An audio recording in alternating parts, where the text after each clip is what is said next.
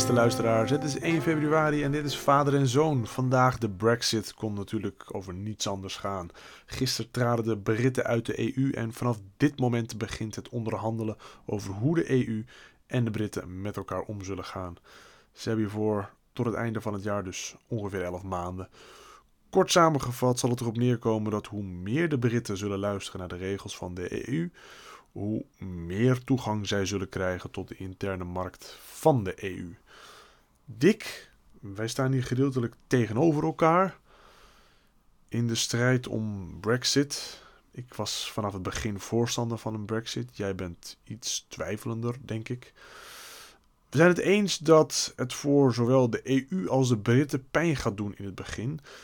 Ik denk dat zie je bij de meeste aardverschuivingen. Mensen kijken een beetje de kat uit de boom. En als de markt zich dan weer stabiliseert, dan zal het steeds beter gaan. Ik denk echter dat op de lange termijn de Britten hier ook echt sterker uit zullen gaan komen. Uh, het wordt een interessant jaar 2020. Verkiezingen in Amerika voor de deur. En dat zou zomaar weer eens heel gek kunnen gaan uitpakken. De economie in Amerika gaat goed en dat vinden de kiezers erg belangrijk. En dat schrijven ze op het konto van Trump. Hoe gek die af en toe ook mag zijn. En dat, ik denk dat het voor veel Europeanen een nachtmerrie is, zou er wel eens voor kunnen zorgen dat volgend jaar rond deze tijd Trump opnieuw president is van Amerika voor de komende vier jaar. En dat moment valt dan weer samen met het definitieve uittreden van de Britten uit de EU. Alle verdragen die ze dan nog hebben, die vallen dan ook weg en er zou dan een nieuw verdrag moeten liggen met de EU. En het zou zo kunnen zijn dat uh, Trump, misschien ook een eventuele andere president in Amerika die dan eventueel gewonnen heeft, een oude vriend, want dat zijn de Amerikanen en de Britten toch van elkaar, de hand toesteekt en met de Britten een handelsverdrag zal sluiten. Die kans acht ik redelijk aanwezig. Eh, eventuele andere landen, ik denk aan Nederland, aan onszelf. Wij zijn ook sterk afhankelijk van de Britten. Wij zijn een handelsland. Wij, hebben, wij handelen heel veel met de Britten, dus die hebben wij ook nodig. Dus ook wij hebben belang bij goede contacten. Dus ook Rutte zal druk moeten uitoefenen op de EU om uh, ervoor te zorgen dat wij goede verdragen sluiten als EU met de Britten. Dick, kortom, ik ben redelijk positief gestemd als het gaat om de Brexit. En ik denk dat de Engelsen hier een goede stap in hebben genomen. En hiermee de bemoeizucht van Brussel voor de Britten in ieder geval een stuk verminderen. En ik denk dat de Engelsen hier op de lange termijn zeker van gaan profiteren. Wat jij, Dick? Je, je merkt terecht op eh, dat wij hier toch wel wat verschillend over denken. Uh, niet dat ik het geheel oneens ben met uh, Brexit en ook, en ook niet met de de aanleiding tot de Brexit. Uh, ik vraag mij af of het verstandig is uh, om alle economische contacten weer van nul af aan op te bouwen. Dat denk ik dus niet. En ik zie daar ook zeker geen voordeel in. Waarbij komt dat ik denk dat het thema van de Brexit was de reden waarom veel Engelsen. Dat wil ik ook even gezegd hebben. Dit is een democratisch genomen besluit in Engeland. Veel mensen die tegen de Brexit waren, hebben dit ook wel naar voren gehaald als zijnde van het is niet democratisch en het was maar een kleine meerderheid. Mijn antwoord is, Engeland heeft het zo besloten, de meerderheid heeft besloten eruit te gaan en daar dien je dan bij neer te leggen. Wat iets anders is, uh, is te zeggen dat je tegen een referendum bent. Ja. Nou, dat kan ik zeggen, dat ben ik. Ik vind dat dit soort complexe vraagstukken niet via uh, een referendum, niet via volksdemocratie moeten worden beslist. Dat nee, moeten we niet doen. Het is uh, even dat gezegd hebben. Ja. Maar het ware thema achter de, de Brexit is volgens mij niet de economische samenwerking nee, dat denk ik ook uh, niet. met het Europese vasteland of met de Europese Unie. De ware grond van de, naar mijn idee, is cultuur- en migratiepolitiek dat men dus af wil van eventuele dictaten van de Europese Unie. Ja. Dat men uh, weer zelf de beslissingsmacht uh, tot zich, uh, aan zich wil trekken. Met betrekking tot vragen wie mag zich wel in het Verenigd Koninkrijk vestigen en wie niet. en dat men, daar, dat men daarover, over dit soort vraagstukken, niet meer met een Europese Commissie in conclaaf wil. te meer ook daar Europa zelf over dit thema ook nogal nou, behoorlijk in de war is op dit moment. En voor de duidelijkheid, dat is helemaal geen punt, het is helemaal geen probleem dat je in de war bent. Uh, samenlevingen die dus druk strijden en over allerlei vraagstukken. Zoals in Engeland er drie jaar gestreden is over uh, de, de toepassing van de Brexit, de toepassing van de uitslag van het referendum, wordt door veel mensen gezien als een blamage voor de democratie. Ik ben geneigd te zeggen dat dat geen blamage is voor een democratie. En te zeggen in het jaar 1600 werden dit soort conflicten in samenlevingen beslecht met hellebaarden uh, en met geweren en wapens. En duizenden doden. Kijk even naar dat Engeland in een diep conflict is geraakt en misschien nog wel is. En dat dat op alleszins vreedzame manieren is, uh, is voorlopig is opgelost. Ik zou dat een uh, ik zou daarin een pleidooi voor de democratie willen zien. En dit ten voorbeeld willen stellen aan de rest van de wereld. Ja, waar dat stemt conflicten met wapens worden uitgevochten. Dat is in Engeland niet gebeurd. Uh, ja, okay, samenlevingen zijn in conflict. Punt. Dat stemt je positief. Maar, wat had jij dan gestemd? Wat, als jij een ik Engelsman was geweest? 2016 was het. Uh, ja, wat had je gestemd dan? Uh, ik had het heel erg moeilijk gevonden. En bij mij had het nog wel eens, toch, uh, had het nog wel eens op het uur voor het, voor het stemmen aan kunnen komen. Nogmaals, enerzijds begrijp ik het punt van de Engelsen. Van wij, willen, wij hebben een bepaald cultuurpatroon opgebouwd in de afgelopen eeuwen. Ehm, en ik wil hier even verwijzen naar iemand uh, die ik ook graag mocht en mag lezen. Uh, die hier veel over heeft gezegd. Uh, Roger Scruton, ja. twee weken geleden overleden. overleden. En wat mij betreft een belangrijk denken van de afgelopen eeuw. Die dat, wat misschien wel een tikje eenzijdig ook, ook dat. Maar die terecht heeft gewezen over dat samenlevingen dus inderdaad gebonden worden door culturen die door eeuwen heen zijn gevormd. Over het algemeen uh, zijn die culturen spontaan gevormd. Dat denk ik ook. Dat is, vaak niet gebeurd via regeringsmaatregelen, maar dat is in, in groepen van onderop uh, gebeurd. Um, en dat is geen vrijbrief om te zeggen dat culturen niet kunnen veranderen. Dat kunnen ze wel en dat moeten ze deels ook. Maar het is wel een opmerking die bedoeld is om uh, eens stil te blijven staan bij zoiets als traditie. Scruton die meende, en niet alleen hij, dat zeker sinds Wereldoorlog 2 cultuur uh, in Engeland te snel is veranderd. En dat dat uh, tot een vorm van ontheemdheid heeft geleid waar hij grote zorgen bij heeft. In Nederland worden die zorgen, of we het daarmee eens zijn of niet, is punt 2. Dat doet er nu even niet toe. In Nederland worden die zorgen verwoord door Thierry Baudet. Uh, die toevalligerwijs dan ook weer een kennis, CQ-vriend van, uh, Scruton. Van, Scruton. en daar draait het om. En nogmaals, even los van de vraag of we het, of we het wat betreft qua inhoud, Scruton, Baudet, of het daarmee eens zijn of niet. Dit is het thema waar het wat mij betreft om gaat bij de Brexit. Wat ik denk ook dat de Brexiteers uh, menen van het is genoeg. We willen, ons, uh, we, willen, we willen Engeland zoals wij dat kennen, willen we wat meer behouden. En we willen dat niet blootgeven aan allerlei vormen van cultuurrelativisme en globalisering, waarbij ik zelf een voorstander ben van globalisering, deels, maar een ander punt weer. Dat is de reden waarom, denk ik, Brexit, kleine meerderheid, heeft opgeleverd voor wij stappen op. Ja, en, niet zozeer uh, het economisch argument. Want wat er nou tegen een douane-unie of een iets verdergaande samen, economische samenwerking zou zijn, dat vermag eigenlijk niemand mij uit te leggen. Nee, maar daar gaat het om. Uh, wij doen dus als Nederlanders, uh, dus in dit geval verstandig gaan, dus naar die Engelsen te kijken. En dat doen we denk ik nu te weinig in de media. Uh, na te denken over waarom stappen de Engelsen er nu uit? En zou dit in de toekomst, dat kan misschien pas over 5, 10, 20 jaar zijn, voor ons ook een angst worden? En dat mensen dus ook graag willen dat Nederland eruit stapt. En ik denk dat die kans groter wordt als blijkt dat over 5 of 10 jaar het best wel aardig gaat met de Engelsen. En dat de Nederlanders denken: hé, hey, zie je wel, het kan zonder al te veel problemen. Um, en dan heb je kans dat er ook een nexit ontstaat. Uh, ja, dat denk ik niet en dat hoop ik toch uh, ook niet. En als die er komt, nou, dan toch maar uh, deels, deels beperken. Want waar wij het hier niet over hebben is ehm, het vraagstuk van de geopolitiek. Namelijk de mondiale verhoudingen tussen de VS, tussen de oude Sovjet-Unie, het huidige Rusland, China en dergelijke.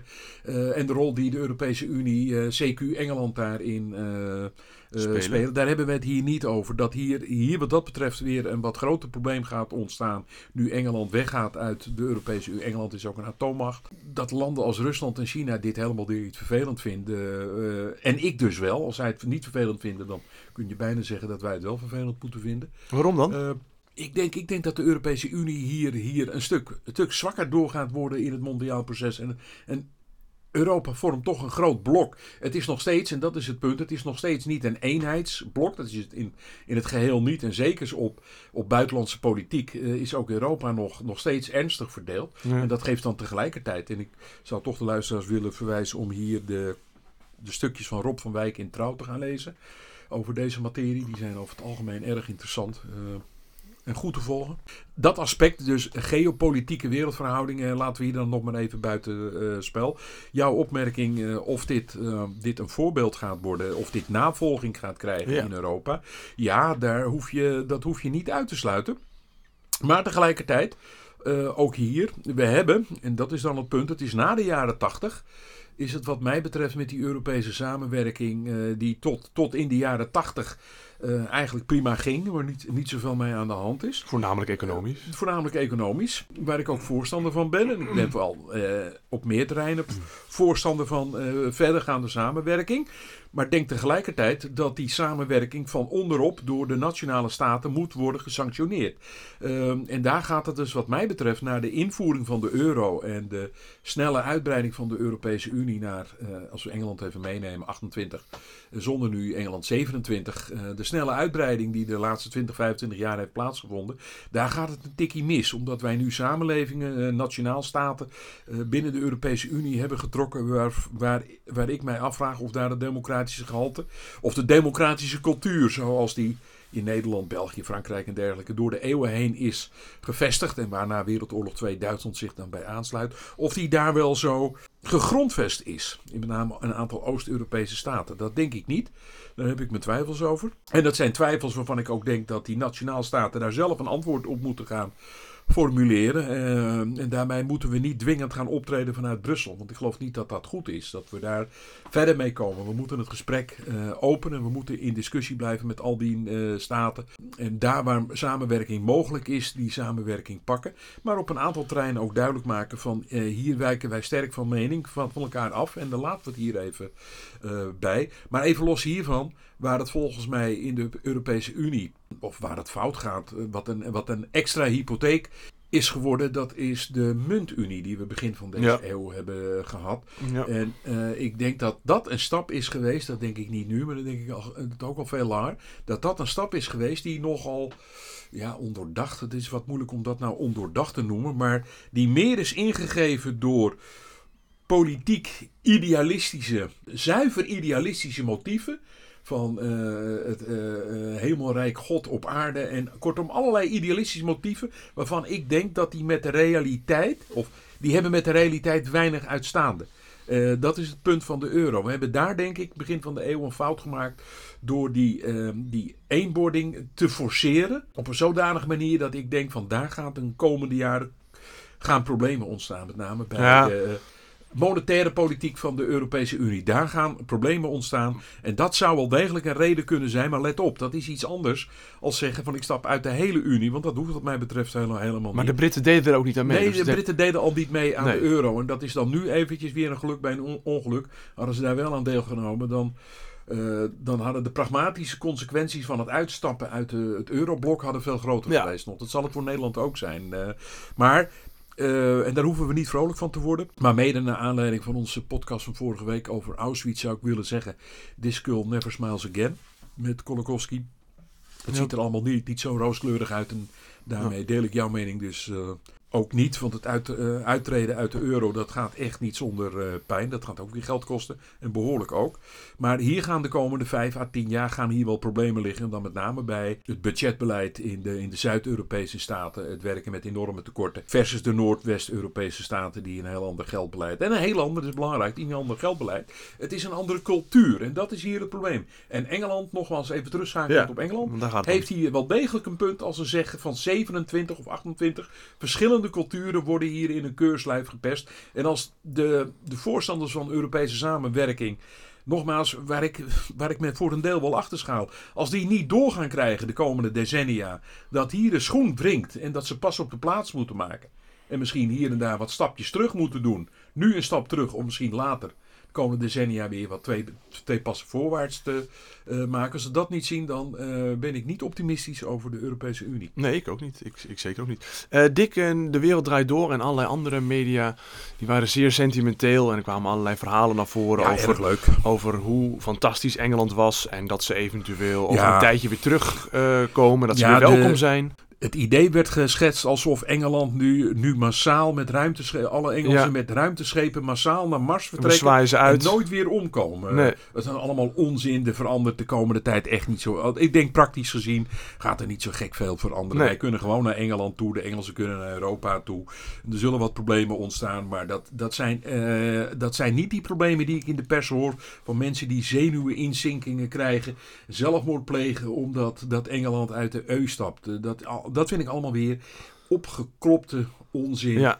En zwaar overdreven. Maar- Even het huisje bij het schuurtje laten. Maar wij worden natuurlijk af en toe ook sentimenteel. Dus ja, ja. hebben we even gezegd, ehm, laten wij ook een stukje uitzoeken wat wij dan mooi vinden aan Engeland uit de afgelopen eeuw. En dat hebben we dus ook allebei gedaan. Dus eh, ik wist van tevoren al wat jij ging, eh, wat jij Ja. ging zeggen. Toch, vertel, wat is jouw moment van Engeland van de afgelopen eeuw? Nou ja, dat is los. Eh, De, de af- afgelopen week werd er nogal de nadruk opgelegd, voor een deel wel terecht. De muziek natuurlijk vanaf de jaren 60, eh, die uit Engeland is gekomen. Ja. Alhoewel ik toch denk, eh, mu- muziek Beatles en Stones dan in het bijzonder, dat is natuurlijk een ongekend iets, dat denk ik ook. Alhoewel ik toch wel denk, de afgelopen dagen, dat ruwweg ik Amerika op muziekgebied wat hoger inschat. In dit geval de popcultuur ook, Crosby, Stills, Nash, Birds, eh, en noem alles maar op. Eh, waarschijnlijk John Baez, wat mij betreft Bob Dylan niet te vergeten, hoger inslaan of hoger inschat dan de Engelse eh, traditie. Maar dat is... eh, Leuk om te horen. het is leuk om te horen. Het is allemaal, eh, ik bedoel, eh, ook Engeland, eh, jaren 60. De muziek, hè? niet de andere ideeën daarvan. Maar wat mij betreft, eh, natuurlijk, eh, Engeland is voor mij onlosmakelijk eh, gekoppeld en verbonden aan de eh, strijd tegen Duitsland. eh, die strijd tegen Duitsland, Tweede Wereldoorlog, wordt belichaamd eh, door mij. Man van de eeuw ook, door, door Churchill. Dat is denk ik het mooiste moment van de, de Engelsen in Ja. hun geschiedenis. En dan in het bijzonder 4 juni eh, 1940 eh, Engeland of Frankrijk gaat ten onder tegen de Duitsers. Eh, Engeland dreigt alleen te eh, komen te staan. Eh, Denkt er even over na om toch opnieuw maar een soort eh München-pact met Hitler te sluiten. Maar dan uiteindelijk komt toch Churchill naar voren toe. Na ampel beraad, zo mag je het zeggen hier. En komt op 4 juni met een prachtige, ontroerende toespraak tot het Engelse volk. Waarin hij duidelijk maakt eh, dat Engeland niet zal buigen voor de Duitse, de nazistische terreur en de zwarte samenleving die de nazi's voorstaan. Hij eindigt dan zijn eh, beroemde redenvoering, nogmaals 4 juni 1940. Dat zou eh, eigenlijk de dag van de nieuwe Europese eenheid moeten gaan worden. Hij eindigt dan zijn toespraak met de volgende woorden. And even if, which I do not for a moment believe, this island or large part of it were subjugated and starving, then our empire beyond the seas, armed and guarded by the British fleet, would carry on the struggle until, in God's good time, the new world, with all its power and might, steps forward to the rescue and the liberation of the old. The new world is uiteraard Roosevelt. Amerika. Amerika. Ja, ja. Dit is een waanzinnig belangrijk moment, misschien wel het moment van de Tweede Wereldoorlog. Eh, het moment waarop Engeland duidelijk maakt van We shall never surrender. we shall never surrender. Ja. En daarmee, en maar daar gaat hier de podcast ook niet over, maar die gaat wel over de Europese eenwording eh, ook. Het is deze week ook v- 75 jaar geleden dat eh, Jalta plaatsvond, Ja. eh, waar de, de Europese deling min of meer in de stijgers werd gezet, voorzichtig gezegd. Bij Churchill blijven? Even bij Churchill blijven. Dit is ook het moment waarvan ik denk dat Hitler doorhad. Het is voorbij. Ja. Het is voorbij. Ja, dat is een mooi moment. Ben ik helemaal met je eens. Ik kan Eh, hier... Hitler denkt het is voorbij. Dan denk ik dat hij dacht van ik ga deze oorlog. Veel Duitsers zeggen we gaan deze oorlog niet meer winnen. Nee, duidelijk. Ik ben benieuwd. Ik wist natuurlijk dat jij Churchill ging kiezen, dus die kon ik dan niet meer kiezen. Ik ben benieuwd of je kan raden wie ik dan gekozen heb van de Engelsen. Ja, Ayn Rand of uh, Ayn, Nee, Ayn Rand is Amerikaans. ik kan het zeggen, dat kan helemaal niet. Dat kan niet. Dus, je, je kent er zeker.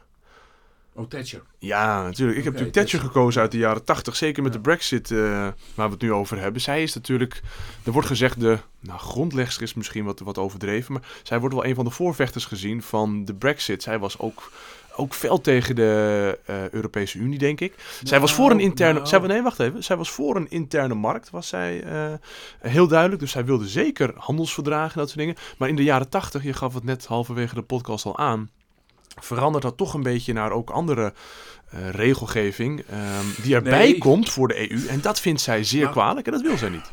la- laten we inderdaad zeggen, in die zin heb je een punt dat Thatcher ehm, min of meer een toch wat ambivalente houding eh, had tegenover Ja, Europees en daarom mag ik haar graag horen. project. Maar ze stond er niet, eh, ik bedoel, ze heeft eigenlijk Engeland ook wel degelijk in het begin nog. Dus in 73 is Engeland toegetreden, geloof ik. Dus ze was, was nog voor Thatcher. Maar ze was, stond er ook niet onwelgevallig tegenover. Dat was ook niet allemaal waar. Maar ze had al wel heel snel door van... het is prima om inderdaad te praten, contacten... en eh, eenheid te zoeken en samenwerking te zoeken daar waar mogelijk. Ja. En interessant voor alle landen, Ja. voor alle partijen. Eh, en het niet te overdrijven. Nou, dat is wel een stelling waar ik het ruwweg wel... eh, Ja, daarom kon- konden wij het ook goed vinden. En de, de vraag is, in 2013 is ze overleden. En de vraag is natuurlijk, had ze voor een brexit gestemd? Dat, is, dat heeft ze nooit kunnen zeggen. Ik denk het wel. Ja, ik denk, het, goed, ik denk is- het wel. Koffiedik is- kijken doet er niet zoveel toe. Het is hetzelfde als met Churchill, dat werd deze week ook aangehaald. Churchill is een voorstander van de Europese Unie. Eh, waarbij ik zou zeggen, ja, maar waarbij het voor Churchill zelf maar de vraag was of Engeland daaraan had moeten deelnemen. Ja. En het tweede punt vind ik het altijd wat, wat het is met, eh, met het aanhalen van mensen uit het verleden. En dat doortrekken, extrapoleren als het ware naar het nu. Zeggen van ja, maar hij zei toen al X, dus nu is het ook X. Ja. Dat Churchill het eh, sprak over de Europese Unie en samenwerking op het moment dat Duitsland verdeeld is. Ehm, en de Sovjets de, de nieuwe vijand, het communisme de nieuwe vijand is. En er dus een andere geopolitieke Ja, omstandigheid was. Dat moet je wel even meenemen. Ik vind het wel leuk om, om het even te bekijken altijd. Ja. Wat, wat iemand in het verleden zou hebben gedaan. Dick, ons cultuurrondje. Vertel, heb je... Eh, het nieuwe boek van, eh, van Herman Koch, Finse Dagen. Oh ja, wordt veel over een bijzonder aardig eh, boek. Koch is natuurlijk een heel aardige schrijver. Die zich wat mij betreft onsterfelijk heeft gemaakt met zijn, wat, wat ik mijn allereerste boek van hem, Red ons Maria Montanelli. ja. Over zijn dagen op een middelbare Montessori school. Finse dagen, waar gaat het over? Eh, nou, over zijn dagen in Finland. Hij gaat als hij 19 is van de la- of middelbare school afkomt, eh, het VWO dan. eh, gaat hij niet zoals veel van zijn kameraden. Die gaan naar het zuiden toe, druiven plukken. En met gitaren om hun nek, blowing in the wind natuurlijk. hè, die Spelen. Blauwe power. Hij gaat dan precies omgekeerde richting naar Finland. Om een paar maanden daar op een boerderij eh, werken. Eh, de relatie met zijn moeder, met, met jonge liefdes en dergelijke komen eh, aan bod. Het is hier en daar uiteraard ook weer erg humoristisch. En dat is het wat mij betreft ook. Het is eigenlijk meer een soort verslag van zijn denken, zijn doen en laten in Finland. En wat hij erover denkt en waarom hij dat gedaan heeft. Dat is bij Vlagen zeer humoristisch, dat wel degelijk. Eh, zoals Herman Koch is, eh, cool, af, of, ja, cool afstandelijk, eh, nuchter, eerlijk noterend datgene wat hij zelf denkt. Het boek is de moeite. Je bent niet echt enthousiast, maar je, vindt, wel- je vond het wel aardig. Het is nou niet, het is nou niet zo. nee, ja, echt enthousiast. Nee, Dat kan, dat dat heeft, kan, hoor. dat, heeft ook een beetje met mijn leeftijd te maken. Ik raak langzaam maar zeker eh, raak ik een beetje van de Nederlandse literatuur af en het lezen van romans. Dat verschuift, dat schuift langzaam maar zeker naar de achtergrond. eh. en het wordt steeds meer geschiedenis, filosofie en, eh, en aanverwanten wat ik, wat ik lees. Wat daar, wat de reden van is, weet ik niet. Nou, daar heb je meer, heb je, daar heb je meer aan in het hiernamaals. Politiek en filosofie. Dus vandaar dat je dat meer gaat lezen, denk ik. Als je dan eh, na Dus de dood... Een soort doodsangst dat ik dat Ja, doe. ja, dat denk Nee, ik inderdaad. Ja. Ehm, laat ik over, we hadden het over de Brexit. Laat ik een andere stad in dit geval, die ook is eh, gevallen, eh, bespreken. Namelijk de verovering van Constantinopel wordt eh, in beeld gebracht in de serie The Ottoman Empire op Netflix. De Constantinopel viel dik in God, wat flauw. 1453. Ja, ja. Ik laat het je Ik redden. had 1400 willen zeggen. Nou, dat was nog op zich nog best nog in de buurt. Eh, wordt veroverd door de Ottomanen. Het laatste restant van het Romeinse Rijk. Even voor de jonge luisteraars, eh, het Turkse Rijk. Ja, ja. Ehm, het laatste gedeelte van het Romeinse Rijk, dat, zijn dus, dat is Constantinopel. Dat valt in 1453. Netflix heeft een heel leuk systeem, namelijk het geeft een scène. Krijg Dus je het betaald wordt- door net, Netflix? Ja, ik word, eh, ik word z- zeker betaald. Ik heb een gratis, gratis abonnement. Ja. Het geeft een nagespeelde scène en vervolgens een aantal historici die hun licht daarover Ja, ja. Laten schijnen. En dat is, dat is best wel aardig. Dus het is geromantiseerd, maar die historici die halen dat weer een klein beetje weg en die vertellen hoe, eh, hoe het daadwerkelijk ongeveer gebeurd zou moeten zijn. Want met dit soort gebeurtenissen weten we dat uiteraard niet zeker meer dat het zo lang geleden is. Blijft zeer spannend en eh, ge- tegelijkertijd een geschiedenislesje. Dat vind ik een zeer leuke combinatie. Dus ik zeg kijken voor de mensen die ook geïnteresseerd zijn in geschiedenis. Dick, dat zei je zelf. Dus ook voor jou zou het interessant zijn. Ook al Zeker, vind je zeker. totaal vind jij dat deze periode helemaal niet interessant, dat weet ik. Maar er zit Nee, wel een heleboel achter. Ja, Eh, eind middeleeuwen.